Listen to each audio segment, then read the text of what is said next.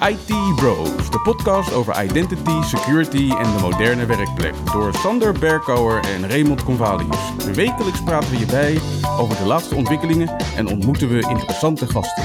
Volg onze podcast op Spotify of iTunes en stel je vragen op Twitter, ITBrosNL. Ik ben Raymond Convalius. En mijn naam is Sander Berkouwer. Welkom bij aflevering 41 van seizoen 2 van de IT Bros podcast. Maar dat is gek, want het is pas week 40. Ja, we hebben gewoon een extra uitzending er tussendoor gefrommeld vorige week. En als je die nog niet hebt geluisterd, doe dat dan eerst. Want in deze aflevering hebben we alweer meer recent nieuws, aankomende evenementen en uiteraard weer een productiviteitstip.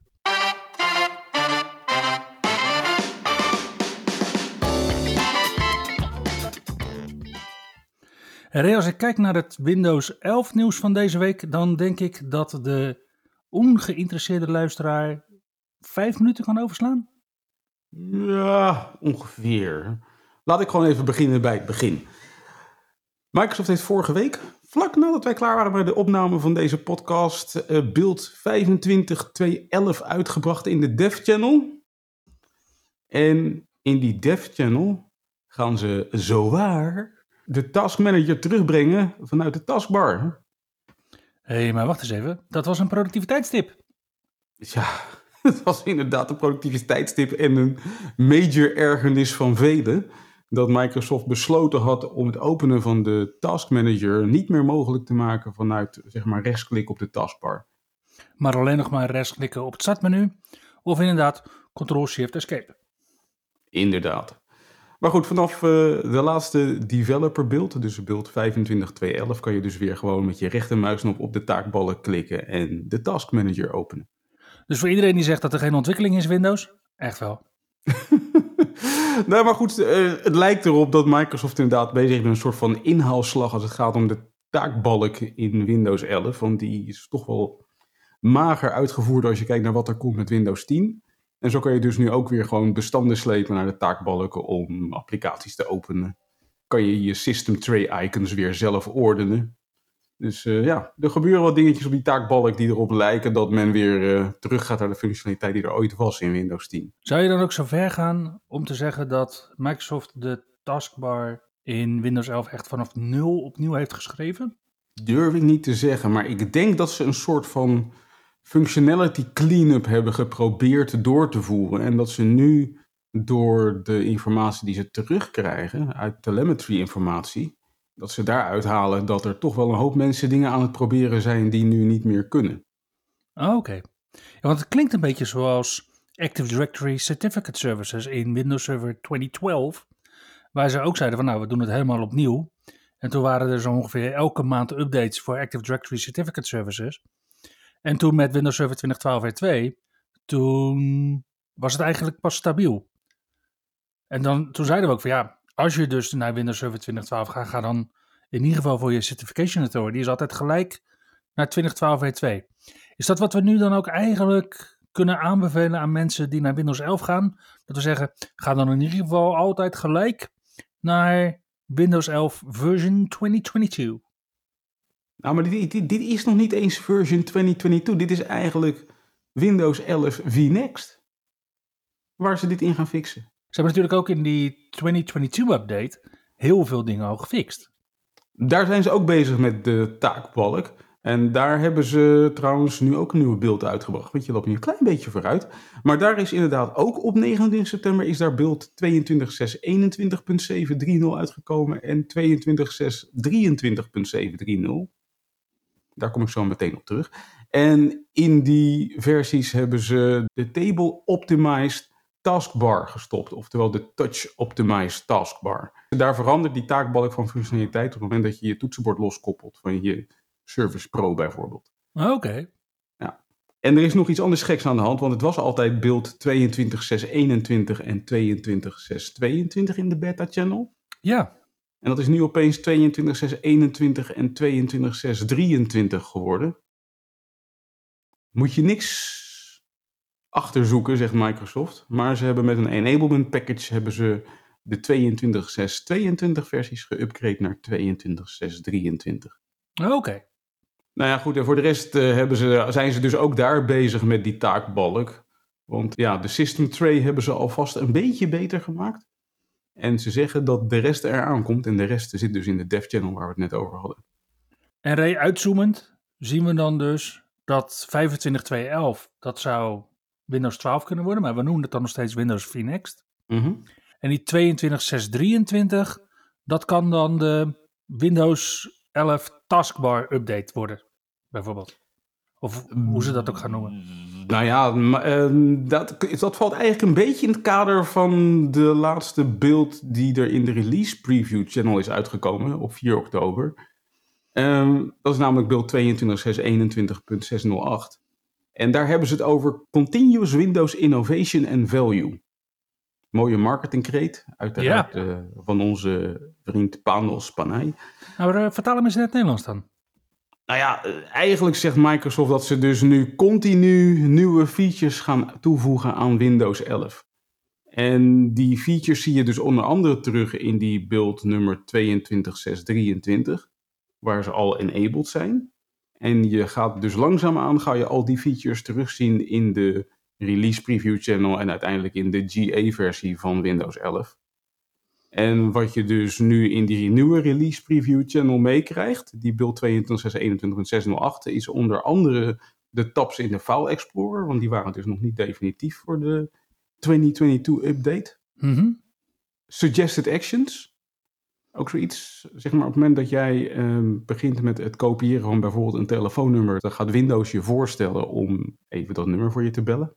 Maar dan alleen in de Verenigde Staten, Canada en Mexico. Inderdaad. Helaas, nog. Het taskbar overflow menu, hebben we het ook al eerder over gehad. Komt dus nu uh, officieel naar Windows toe bijna. En nearby sharing wordt uitgebreid. Zo is men bezig naar een ja, Windows 11 toe te werken met wat meer functionaliteit. Ja, ondertussen hebben we dus de officiële release gehad van de 2022 update. Mm En die lijkt niet zonder probleempjes te zijn gekomen. Onder andere schijnen er uh, file copy performance issues te zijn als je grote bestanden kopieert. En wat is groot uh, eigenlijk? Daar ben ik zelf nog niet helemaal achter, maar ik denk in ieder geval meerdere gigabytes groot. Ik had het inderdaad uh, gisteren met een klant over petabytes. Niet in één bestand, maar wel mappen met. Maar jij zou zeggen, gigabytes, dat zijn ook al grote bestanden. Ik denk het wel. Dus de Windows 11 ISO zou jij zeggen, oh, dat is een groot bestand. Dus een ISO van 5 gig. Ja, als je het mij zou vragen wel. Oké. Okay.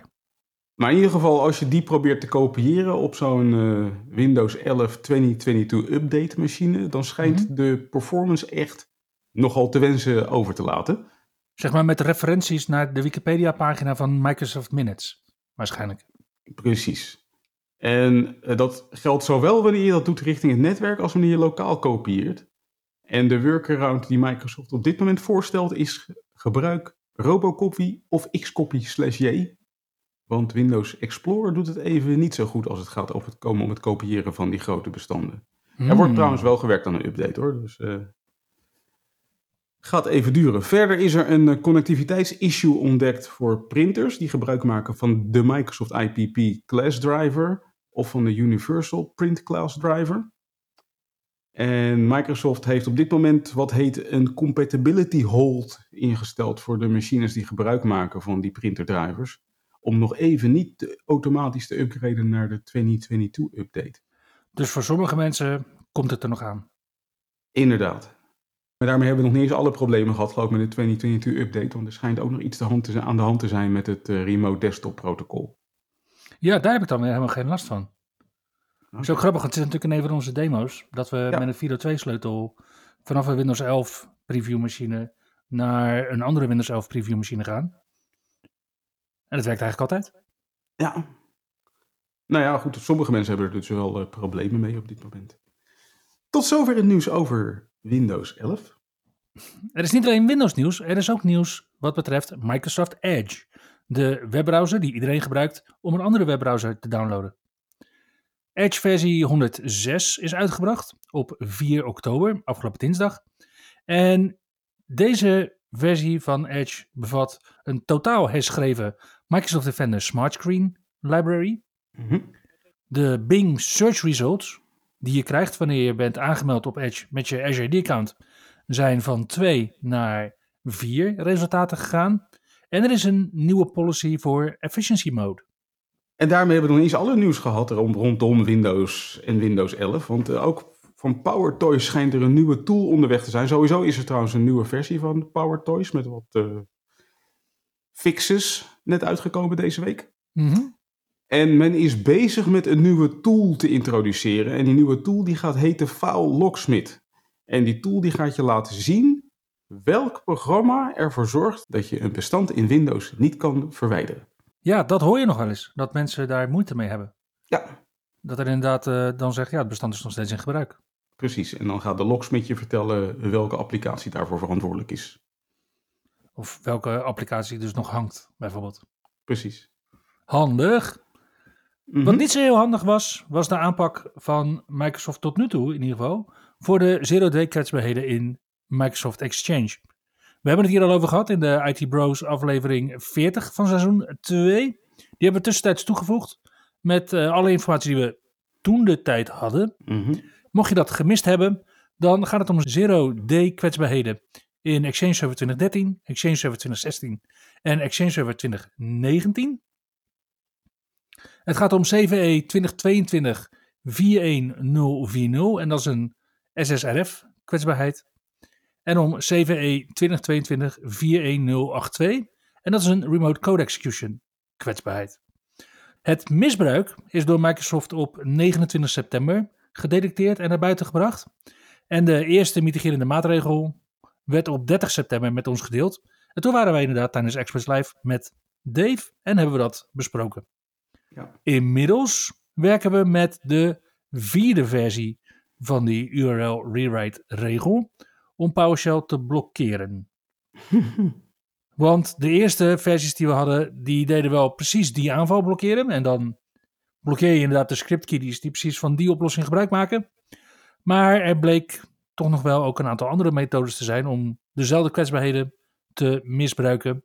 En die is Microsoft nu op advies van experts eigenlijk, ja, eigenlijk elke twee dagen wel aan het, eh, aan het uitbreiden. Het is een soort van kat-en-muisspel wat daar gaande is. Ja, maar dat is het natuurlijk altijd. Ja, inderdaad. Nou, afgelopen weken hadden we trouwens wel eh, de release van een hele mooie nieuwe feature waar eh, iedereen erg enthousiast over was in Conditional Access van Ja. Azure AD. Namelijk de Authentication Strength is sinds 5 oktober in public preview. En jij weet daar vast veel meer over, Sander. Ja, ik zie het als iets waar we eigenlijk al een hele lange tijd behoefte aan hebben. En we hebben het ook in de IT Bros podcast een keer over gehad. Dat jij je afvroeg van hoe kan ik er nou voor zorgen dat ik alleen maar een temporary access pass kan gebruiken voor het herregistreren of het registreren van mijn multifactor authentication registratie. Nou, dat zijn dus de dingen die je met authentication strength in de toekomst kunt configureren. Momenteel is deze feature nog in preview. En het eerste wat je daarvan merkt is dat je in conditional access, dat je dan bij de grant controls onder het require multifactor authentication vinkje nu ineens een require authentication strength optie vindt. En daar zitten standaard drie opties in, namelijk multifactor authentication, passwordless multifactor authentication en phishing resistant multifactor authentication.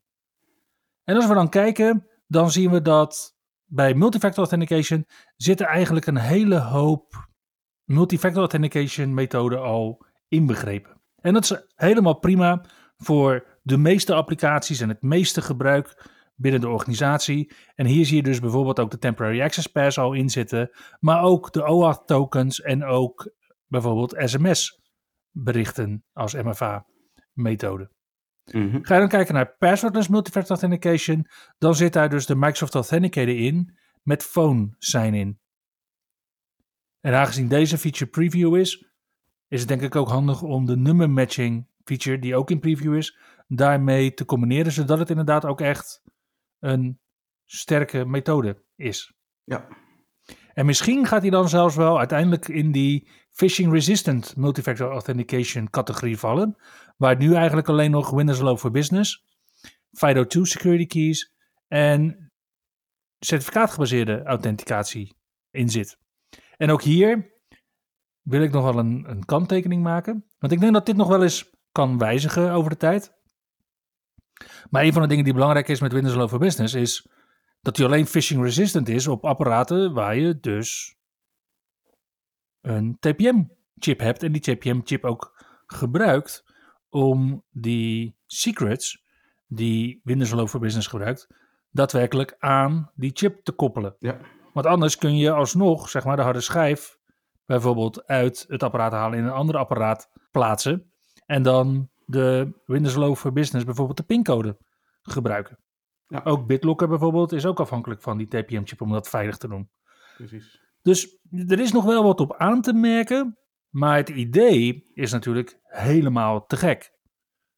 En wat Microsoft hierover communiceert is dat er bepaalde informatie is die ja, eigenlijk ongeacht welke multifactor authentication methode dan ook beschikbaar moet zijn, maar dat je voor andere applicaties waar je bijvoorbeeld met persoonsgegevens werkt, dat je die inderdaad met phishing resistant multifactor authentication wil gaan beschermen. En op deze manier kan dat. Nice. Ja, wat je dus ook kunt doen, en dat is een van de vragen die ik ook laatst kreeg uh, van een klant, is dat klanten het af en toe maar gek vinden dat ze aanmelden met Windows Hello for Business en dan ja, multifactor authenticated, uh, sorry, en dat ze dan al geauthenticeerd zijn met multifactor authentication. Terwijl ze eigenlijk dan nog een prompt of dat soort dingen verwachten. En ook voor, en ook voor dat vraagstuk kun je dus gebruik maken van authentication strength door bijvoorbeeld Windows Hello for Business juist uit te vinken. In, en dat is ook al mogelijk in deze preview, je eigen authentication strength te definiëren. Oh, nice. En volgens mij hebben we daar maar nog niet eens alle nieuwe features gehad in Azure AD van, van de afgelopen periode. Hè? Want er is nog meer gebeurd. Nee, nee, er waren een aantal nieuwe features in Azure AD die we de afgelopen maand zagen. Zo is er nu in Azure AD Connect Cloud Sync de eerste write-back functionaliteit geïntroduceerd. Namelijk write-back voor self-service password reset. Mm, nice. En, en ik vind dat een, een groot iets, want als we Azure Connect Sync en Azure Connect Cloud Sync met elkaar vergelijken, dan valt eigenlijk als eerste op dat er geen write-back functionaliteit in Azure Connect Cloud Sync ja, zat, moeten we dan dus nu zeggen. Mm Ja, en als dit, als dit de eerste is van velen, dan denk ik dat we met z'n allen heel blij kunnen worden. Want in heel veel organisaties is die Windows Server installatie met Azure AD Connect echt een single point of failure. Ja, absoluut. Daarnaast zien we nu apparaatgebaseerde conditional access regels voor Linux. Je kunt een Linux machine nu Azure AD joinen. Je kunt een Linux machine enrollen in Intune. En als je de Edge browser gebruikt op Linux, krijg je daar een ervaring met eenmalige aanmelding richting alle Microsoft Cloud diensten. Microsoft heeft ook een handige tool voor de meer ontwikkelaargerichte IT-pro's klaargezet.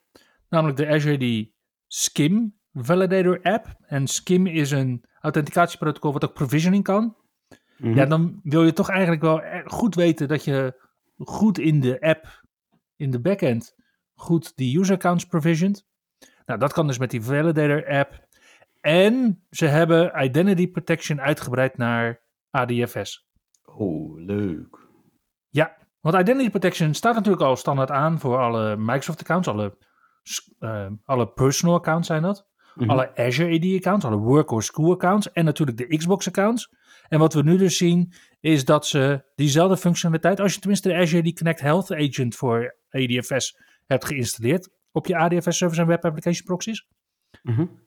dan dus nu ook naar ADFS brengen. Initieel nu gaat het dan om de anonymous IP's en malicious IP's die worden gedetecteerd. Maar ik verwacht in de toekomst ook nog wel verdere uitbreidingen. Oké, okay. nice. Ja, en ook in Defender for Identity zagen we nieuwe features. Want als je Defender for Identity gebruikt, en dan heb je al een Microsoft 365 E5 of een EMS E5 licentie, dan word je door Defender for Identity er nu op geattendeerd wanneer je nog gebruik maakt van onveilige LDAP-verbindingen. En ja, overal waar jij LDAP non-S gebruikt, daar zal met standaard instellingen eigenlijk gebruik worden gemaakt van clear text aanmeldingen. Mm. Nou, dat willen we niet. Daarom zegt Microsoft ook, nou, dan wil je LDAP signing aanzetten. Voor in ieder geval alles wat LDAP non-S is. Maar wat je ook wil, is natuurlijk alles naar LDAP S brengen. Nou, dat ja.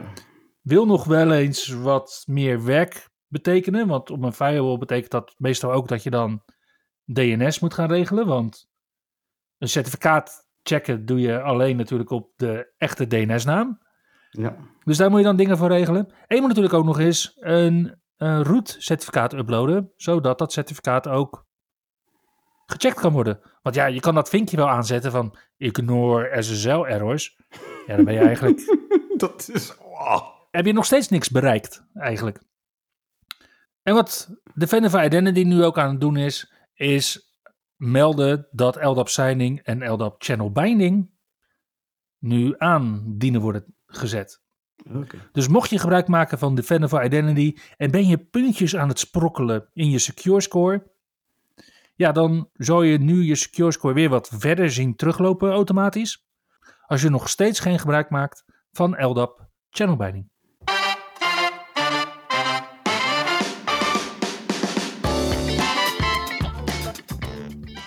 De IT Bros zitten volgende week 8000 kilometer verderop in Seattle tijdens Microsoft Ignite. Maar toch gaan we onze luisteraars weer de uitdaging geven om alle evenementen van deze week te bezoeken die in de regio zijn. En dat begint al op dinsdag 11 oktober in Frankfurt am Main, waar je kosteloos naar de Hybrid Identity Protection Conference kunt, die specifiek voor Duitsland wordt georganiseerd. Daar zie je vriend van de show Guido Grillenmeijer, Mhm. maar ook mede-MVP's Alex Benoit, Thomas Naunheim en Oef Simon Weidner. Dat belooft een dag met heel veel identity tips en tricks te worden. Vanaf 12 oktober is het dan tijd voor de Microsoft Ignite-conferentie vanuit Seattle, USA.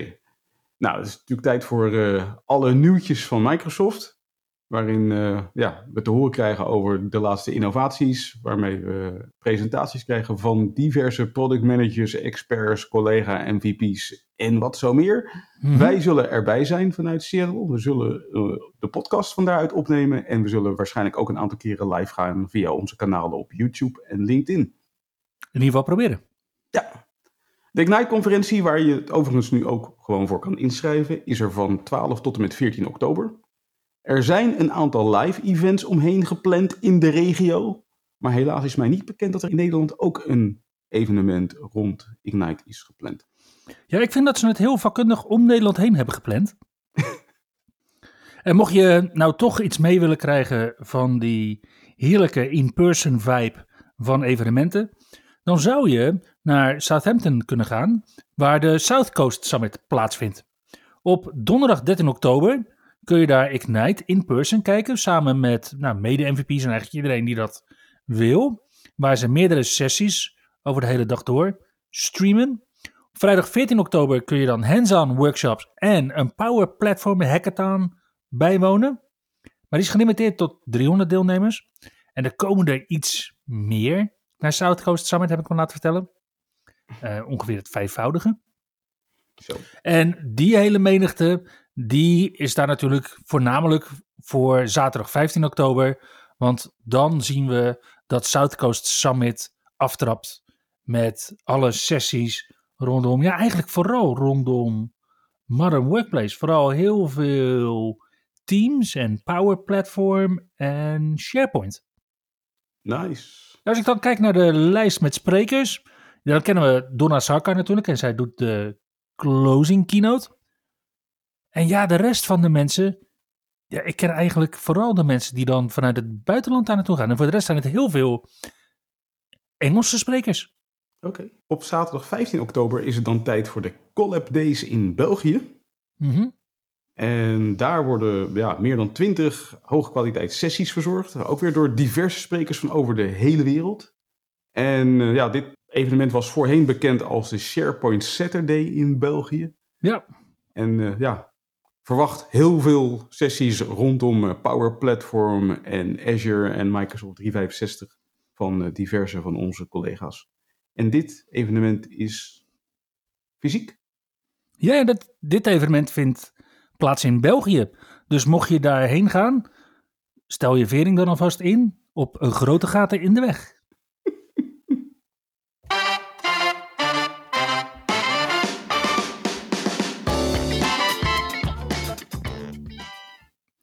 Deze week behandelen we weer Office in de productiviteitstip. En wel PowerPoint, waar ik inmiddels mijn weg heb gevonden. Raymond en ik doen heel veel presentaties door het jaar heen. En ik maak daar meestal de slides voor. En ik merk dat heel veel mensen dat toch altijd wel fijn vinden als je dan animaties gebruikt. En dan niet de stomme animaties zoals een, een, een, een tekst die knippert of dat soort dingen. Maar animaties waarmee we bijvoorbeeld de network flows duidelijk maken. Waardoor je inderdaad niet in één klap kijkt tegen een diagram met 15 pijlen, maar dat we die pijlen langzaamaan in beeld laten komen. Of inderdaad dat we bijvoorbeeld de netwerktopologie veranderen. Ja. Naar aanleiding van de feedback van slides wijzig ik af en toe nog wel eens die animaties. En zonder deze twee trucken zou ik dat eigenlijk niet kunnen. En de twee trucken waar ik het dan over heb, dat is de animation pane en de selection pane. De animation pane vind je onder animations en dan onder advanced animation. Mhm. En als je daarop klikt, dan verschijnt aan de rechterkant van het scherm een venster. En in dat venster vind je dan in chronologische volgorde de animaties op die slide. De eerste bovenaan en de laatste onderaan. En in de animation pane kun je gemakkelijk de volgorde, de trigger en de eigenschappen zoals timing van je animaties aanpassen. Dus als je vindt dat animaties nu ineens met z'n drieën op één klik moeten reageren, kan je dat in het animation pane heel makkelijk aanpassen. Maar soms, soms zit er zo'n grote vorm dwars, die dan ook nog geanimeerd in beeld komt. En dat ja, zie je dan natuurlijk in slide, dat valt overal overheen. En daar gebruik ik dan dus de selection pane voor. En de selection pane vind je onder home en dan onder editing. Mhm. En in het selection pane kun je elementen op een slide verbergen. Dus je kunt het gebruiken om sommige elementen, zoals een vorm of een tekstvak, meer naar de voorgrond te brengen of meer naar de achtergrond. Maar je kunt dus ook gewoon verbergen. En als je een vorm verbergt, dan verberg je hem niet alleen op wat je op de slide ziet, maar ook in de animatievenster. Dus als je op een slide met je animatie, zowel je animation pane als je selection pane tegelijkertijd gebruikt, kun je op die manier snel onder iets wat in het scherm verschijnt bijvoorbeeld, je aanpassingen maken, zonder dat je ineens een vorm uit het beeld moet gaan schuiven of dat soort dingen. Want het komt nooit meer helemaal lekker goed natuurlijk. Ja, nee, dat is inderdaad wel een ding waar ik eh, regelmatig tegenaan liep. En die selection pane, die kende ik nog niet. Dus eh, daar ga ik de volgende keer eens mee spelen in eh, PowerPoint. De selection pane is uitermate handig. Ja, en vooral als je hem dus inzet samen met het animation pane. Nou, dankjewel Sander voor deze toch wel hele handige tip in PowerPoint. En eh, ja, ondanks dat jij meestal de slides maakt, zit ik toch ook regelmatig wel te pielen in PowerPoint. dus eh, ik ga hier binnenkort goed mee aan de slag. Alright. En daarmee komen we aan het einde van aflevering 41 van seizoen 2 van de IT Bros podcast. Dankjewel voor het luisteren. En tot de volgende keer. Tot de volgende keer. Je luisterde naar IT Bros, de wekelijkse podcast over identity, security en de moderne werkplek. Abonneer je op Spotify, iTunes of Google Podcast als je de volgende aflevering niet wilt missen. Heb je hints of tips? Laat dan van je horen op Twitter. @itbrosnl.